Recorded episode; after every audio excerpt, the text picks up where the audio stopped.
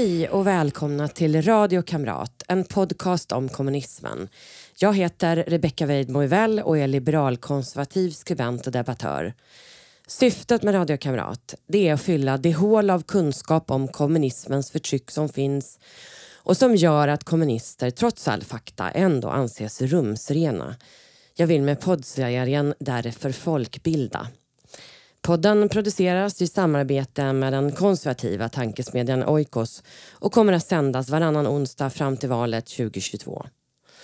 Som fri skribent och opinionsbildare tar jag inte ett öre av era pengar med tvång som de 8 miljarder public service kostar varje år eller de 700 miljoner i pressstöd som en massa tidningar får utan ansträngning av staten. Jag ber därför alla ni som lyssnar på podden och läser min blogg att bli prenumeranter på uvl.se. För bara 60 kronor per månad får du tillgång till alla de över 1600 inlägg jag hittills skrivit sedan 2014 och alla nya gräv och granskningar. Du registrerar snabbt ett konto hos Patreon och lägger in ett kort och sen drar summan automatiskt varje månad tills du själv väljer att avbryta. Du behöver inte kontakta mig eller någon prenumerationsservice utan du avbryter bara själv och utan uppsägningstid. Du använder samma inlogg och password på patreon.com som på min sida. Jag kommer regelbundet publicera artiklar som är gratis men för mina gräv och granskningar krävs nu en prenumeration så att jag kan fortsätta som friskribent. Vill du stötta mig, bloggen och Radio Kamrat extra, välj premiumnivån på 100 kronor per månad. Om du inte vill eller kan bli prenumerant men vill stötta podden ändå kan ni fortfarande swisha till 123 444 5847. I förra avsnittet började jag att gå igenom Sveriges alla autonoma vänster och det våld de utsätter människor och demokratin för. De är tyvärr så många att det behövdes två avsnitt för det. I det avsnittet gick jag igenom det mest kända nätverket AFA eller Antifa. I följande avsnitt fortsätter granskningen av fler grupper och händelser.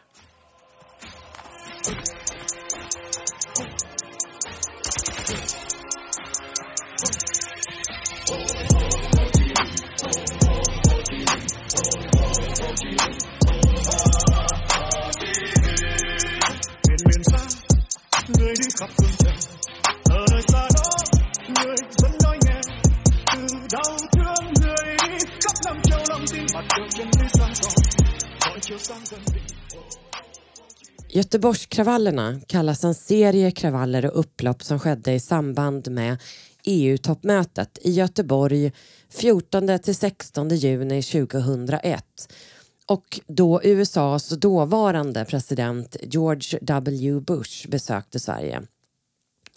På morgonen fredagen den 15 juni 2001 höll Göteborgsaktionen och Attack ett protestmöte på Götaplatsen vilket hade polistillstånd.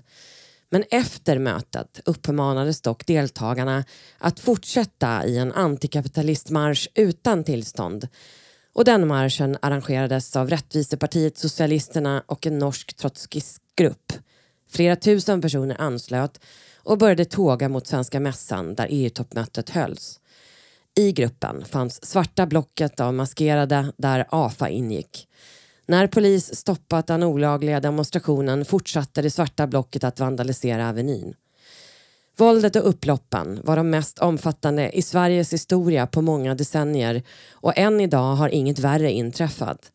Sammanlagt skadades 53 poliser och 90 demonstranter och såväl staden som privatpersoner drabbades av omfattande materiella skador. De tre stora föranmälda demonstrationerna samlade 50 000 personer men det var inte de som orsakade upploppen utan en liten grupp maskerade autonom vänster som infiltrerade tågen. Runt 2500 poliser bevakade toppmötet. 530 personer greps under dagarna och 385 omhändertogs. Ett 80-tal demonstranter åtalades sedan, främst för våldsamt upplopp, men få fälldes. Den efter kravallerna mest kända demonstranten blev Hannes Westberg som kastade tunga gatstenar mot polisen även när en polis slagits till marken och hjälmen åkte av. Och då sköt polisen honom. Han skadades allvarligt men överlevde. Han fälldes för våldsamt upplopp. Trots domen och att han blev skjuten ångrar inte Westberg angreppen mot polisen. Trots att AFA, som jag berättade om i förra avsnittet, inte har officiella ledare är det alltid några som ändå ser sig som ledare. Dessa tog bland annat makten över AFAs roll, som också var ledande bland de andra deltagande vänsterextrema grupperna och höll dessutom en presskonferens efter våldsamheterna på Avenyn fredagen den 15 juni 2001 där de försvarade allt våld med att polisen stängt av Hvitfeldtska gymnasiet. En av få som dömdes heter Jonathan, Jonathan Py. Fem år efter upploppen ställde han för första gången upp på en intervju i programmet Gräns i P1. Han dömdes till 20 månader i fängelse. Han ångrade då ingenting. Om jag begår våldshandlingar så är det som schack. Då tänker jag taktiskt och kallt, säger han i intervjun. Han hade heller inga problem med att använda vapen. Om det behövs vapen om vi ska slå någon som är större och starkare än oss så är det knogjärn och järnrör och sådana saker. I kampen för det bra samhället ingår att kasta stenar på poliser. Denna kamp en livsuppgift. För det kan jag utstå ganska mycket, sa han. Jag har aldrig ångrat en sekund att jag fick sota 20 månader av mitt liv i fängelse. Men på rättegången påstod han att han var helt emot våld och förnekade helt kännedom om slangbällorna, kabeländarna och dynamitladdningarna som hade hittats i ett buskage. Baseballträet han hade när han greps och som märkts AFA påstod han att han spelade brännboll med på fritiden. Den eh, balaklava han hade på sig påstod han var i själva verket en vintermössa. Jonathan Pye har dömts för våldsamt upplopp tre gånger. Två gånger i Sverige och en gång i Tyskland.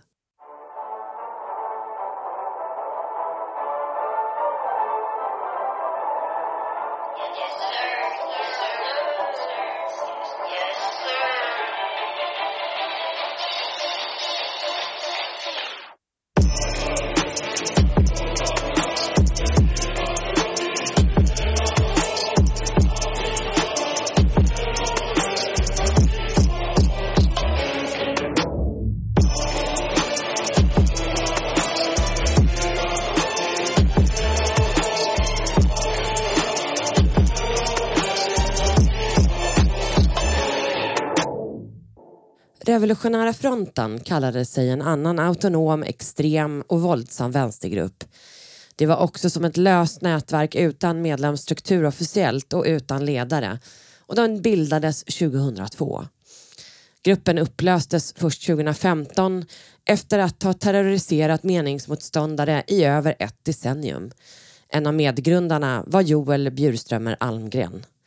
Det är lätt att se att RF skapades som en reaktion på kravallerna i Göteborg då autonoma anklagade polisen för brutala metoder och övervåld. Man fanns från början just, just i Göteborg och senare i Örebro. Men efter det uppstod lokala grupper i flera andra städer. Revolutionära fronten sa sig sträva mot det klasslösa, förtrycksbefriade samhället och därför bekämpade de kapitalism, sexism, homofobi, rasism och fascism. Användandet av revolutionärt våld ser vi som en rent taktisk och politisk fråga och inte som en moralisk. Organisationen präglades av våldsromantik och i sociala medier hyllade de Röda brigaderna och Real IRA.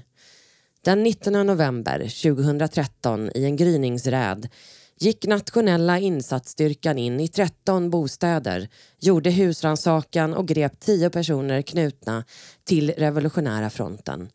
Insatsen syftade till att lösa ett 30-tal brott i framförallt Mälardalen. Det rörde sig om flera fall av grov misshandel, försök till mordbrand, skadegörelse och hot.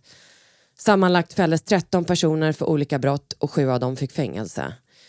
Det mest uppmärksammade brottet som motiverade räden var en ovanligt rå misshandel av två slovakiska gästarbetare som Revolutionära fronten filmat, musiklagt och publicerat på sin på en hemsida. I en scen ligger en ung man på marken samtidigt som flera personer sparkar honom i huvudet och slår honom med en stol. Men offren var dock inte alls nazister som Revolutionära fronten trodde utan slovakiska gästarbetare. Det var far och son gruppen gett sig på som var här för att arbeta vid bygget av Nya Karolinska. gamla är inte fria och de unga får ingen framtid. Ja, de tar dig och skickar hem dig fast du bott här hela ditt liv. Stress mannen. Svarta duvor dyker och liljor finns inte kvar. Men drömmen i oss lever trots att landet blir begravt. Yeah. Mannen life är en maskot, Bildt en riktig killa. Han målade sitt mästerverk i rätt bladsspela. Och fyra plank svarta backspeglar stirrar på mig. Fem antenner och riktade mikrofonen. Jag satt några timmar där och ser på no biggie. Det var någonting de sa att jag har mordhotat Jimmy. Sebbe fucking Stacks gör vad han vill. Så sök på Enemea kommer ett hot till. Yo, Kungsgatan med sådan jag varit med. Musiken ni precis hörde var Kartellen featuring Timbuktu. En annan låt som Kartellen gjort, Underklassmusik, hade med Revolutionära fronten i sin musikvideo. Revolutionära fronten riktade sig särskilt in på meningsmotståndare politiskt, inte som AFA främst på polisen och staten. Hugo Selling var organisationssekreterare för Fria Moderata Studentförbundet som 21-åring Revolutionära fronten lurade honom till ett möte genom att utge sig för att vara en student från Södertörns högskola som ville intervjua honom. Han hade änglavakt som undkom utan misshandel men har senare även fått dödshot mot sig. Under valkampanjen för Europaparlamentsvalet 2009 blev den folkpartistiska riksdagsledamoten Fredrik Malm attackerad av en autonom vänstergrupp vid ett möte i Uppsala. De skrek förolämpningar, störde och kastade ägg. Efteråt skickade Revolutionära fronten ut ett pressmeddelande där de motiverade attacken med att Malm var sionist. Ett av äggen de kastade träffade en annan valarbetare, Francesco Kovacs, som hade satt fängslat i Gulag under nio år som en del av Sovjetunionens utrensningar av oliktänkande. I maj 2014 gjorde Janne Josefsson ett program om vänstervåldet i Uppdrag granskning. Där visas bland annat en attack Revolutionära fronten gjorde mot en äldre kvinna och hennes barnbarn när de låg och sov. Men inne i tv-huset stötte Josefsson på motstånd. Kollegor undrade varför de gjorde ett program om det, om deras sida. När programmet sändes twittrade Ametista Sordegan som arbetade på Sveriges Radio då kan inte Janne Josefsson bara komma ut som nazist en gång för alla? Här har ni ett klipp från programmet. Uppdrag granskning ikväll. Är den antifascistiska kampen alltid ett självförsvar?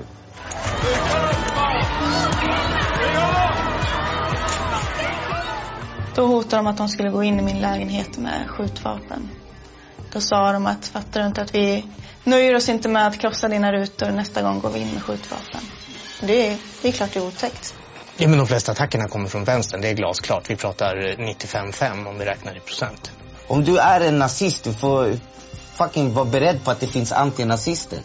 Och att det kommer bli blodigt. Det är så det fungerar. Det är så det är.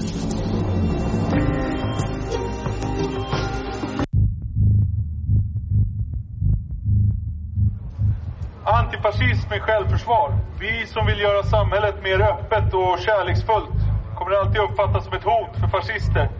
Och vi måste bemöta fascismen för att kunna fortsätta vara politiska aktivister. Därför försvarar vi oss. Men det är två motpoler, förstår du? Det här är nazister. Om du är en nazist, du får fucking vara beredd på att det finns antinazister. Och att det kommer bli blodigt. Det är så det fungerar. Det är så det är. Vad är det som förvånar dig mest i det du har grävt fram? Att de här grupperna har ett så starkt stöd bland människor som, som faktiskt tar avstånd från politiskt motiverat våld så är väldigt många ändå beredda att göra ett undantag just för det vänsterextrema våldet.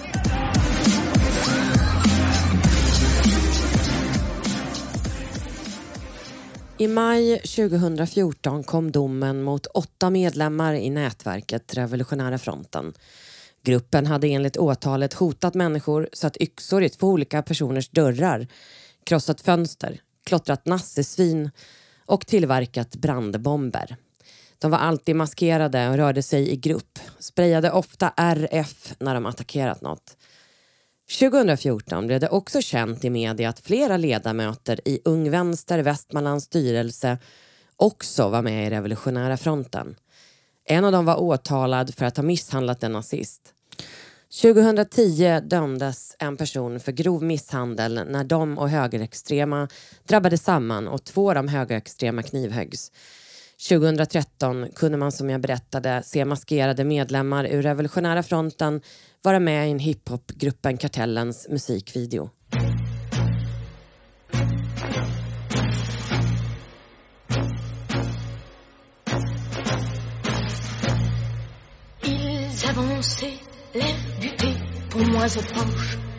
Il souriait en pensant à Gavroche. Il s'enfonçait dans le vent et toujours.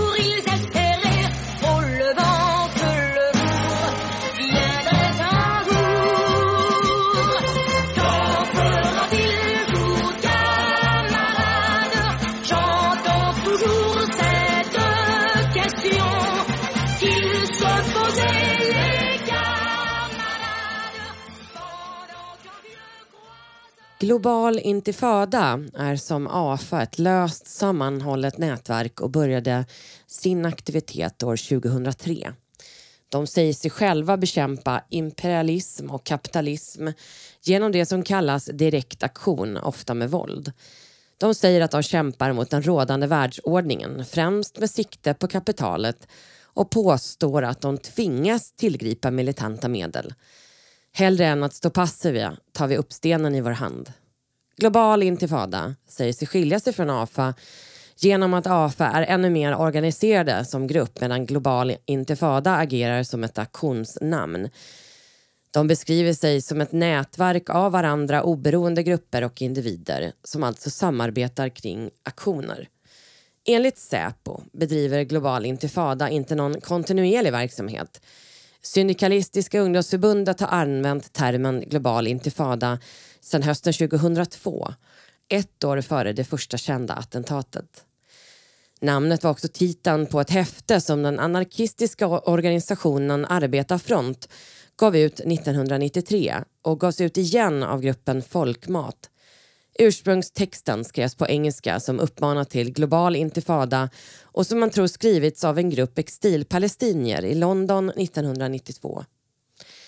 Några av de attentat de gjort är att de 2003 och 2004 utförde en attack mot det polska konsulatet i Sundbyberg, mot vapentillverkaren Bofors i Stockholm och i Göteborg, mot företaget Aimpoint i Malmö som gör sikten och mot den danska ambassaden i Stockholm. Samtliga attentat var protester mot krigen i Irak och Tjetjenien. De skickar sedan ett pressmeddelande på sajten IMC Sverige den 21 december 2004. Global intifada är ett nätverk av varandra oberoende grupper och individer. Alla som står bakom plattformen är välkomna att organisera sig i den form de önskar och är alltså fria att agera i Global intifadas namn. Global intifada ser sig som en del av den internationella socialistiska kampen. Vi kämpar mot den rådande världsordningen. Vi tar främst sikte mot imperialismen och kapitalet. Global intifadas främsta medel är direktaktion. Med ett kompromisslöst motstånd vill vi inspirera. Vi kommunicerar genom exempel. Medel och metod anpassas efter ändamål. I vår kamp föredrar vi att använda oss av icke-våld men ibland ser vi oss tvungna att tillgripa militanta medel. Hellre än att stå passiva tar vi stenen i vår hand. I en globaliserad kapitalism krävs ett globaliserat motstånd. Vi verkar för en global intifada. De tog också på sig attentatet mot det polska konsulatet där de skrev att de kastade brandbomber mot byggnaden för att markera mot den polska staten för deras inblandning i den imperialistiska ockupationen i Irak. Desde hondo crisol de la patria se levanta el clamor popular. Ya se anuncia la nueva alborada, todo Chile comienza a cantar, recordando el soldado valiente, cuyo ejemplo se cierra inmortal. Enfrentemos primero la muerte, traicionar a la patria más. Venceremos, venceremos. Den 24 september 2003 krossades danska ambassadens fönster och byggnaden bombarderades med färg och flygblad.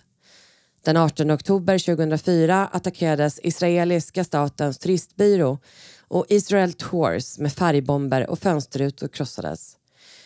2004 gick medlemmar till våldsam attack mot polisen när de försökte skydda ett stödmöte för Israel på Nalen i Stockholm. Och totalt greps 79 ungdomar. En mängd vapen beslagtogs. Inför en aktion 2004 mot en festival till stöd för Israel i Stockholm skrev gruppen på Independent Media Center Sverige som startades av AFA.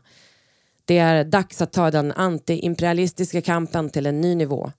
Det palestinska folket har inte tid att vänta på namninsamlingar och sossedemonstrationer.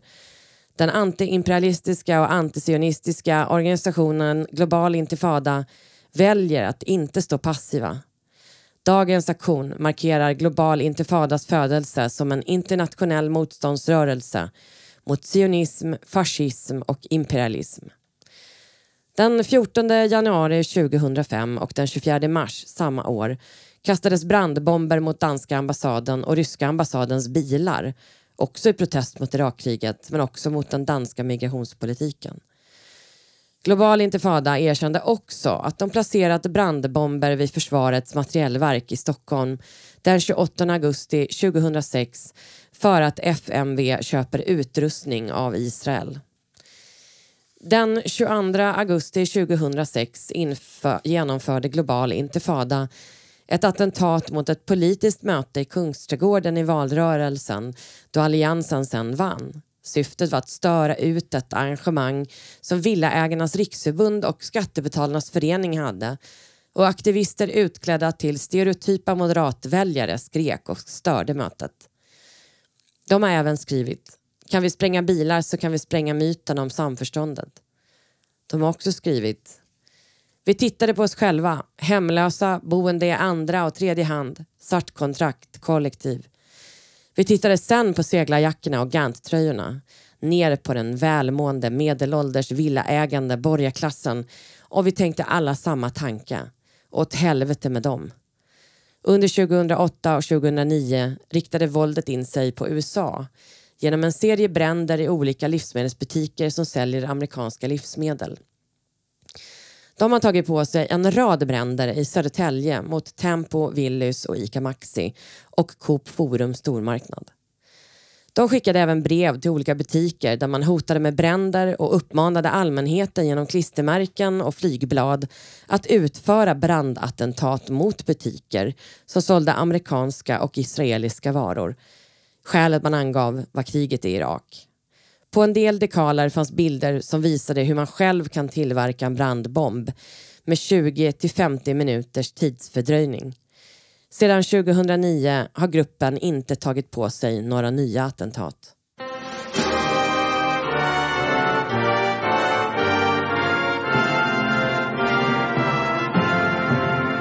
Stand up, all victims of oppression, for the time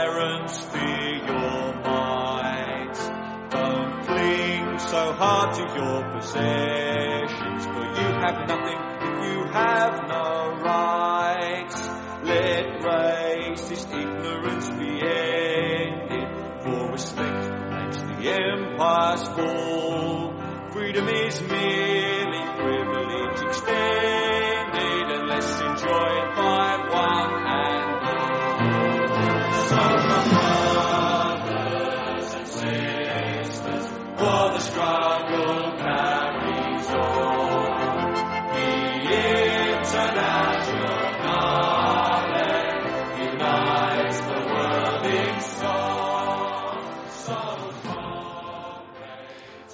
Andra grupper inom den autonoma gruppen är till exempel Reclaim the Streets som via upplopp i Stockholm vid ett flertal tillfällen men även i Malmö kastade sten på poliser och härjade. Den gruppen var aktiv i början av millennieskiftet.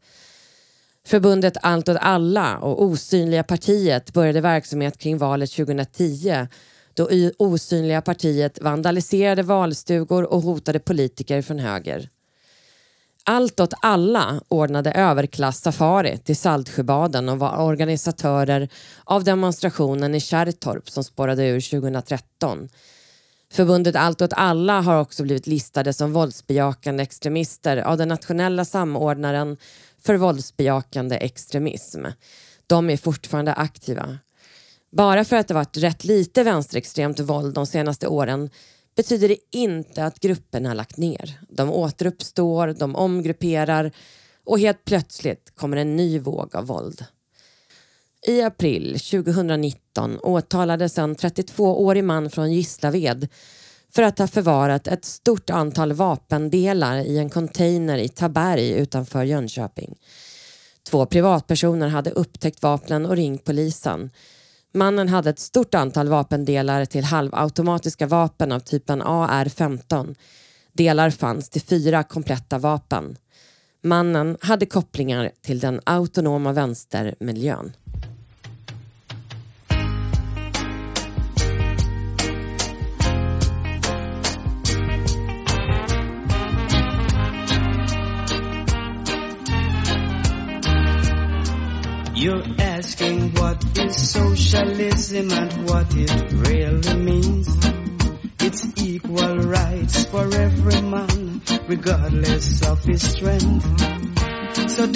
Let no one fool you. Joshua said, listen as I tell you. Joshua said, no man are better than none. Socialism is love between man and man. Socialism is love for your brother. Socialism is linking hearts and hands. Would you believe it? Poverty and hunger is what we're fighting. Socialism is sharing with your sister. Socialism is people pulling together. Would you believe me? Love and togetherness. That's what it means. Mr. Bigger trembling in his shoes saying he's got a lot to lose. Don't want to hear about sufferer at all. Joshua said, one man have too many, while too many have too little.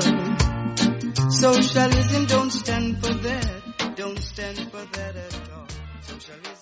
Det var allt från mig denna gång. Glöm inte att prenumerera på podden så att du får alla avsnitt automatiskt och sprid den till så många ni kan.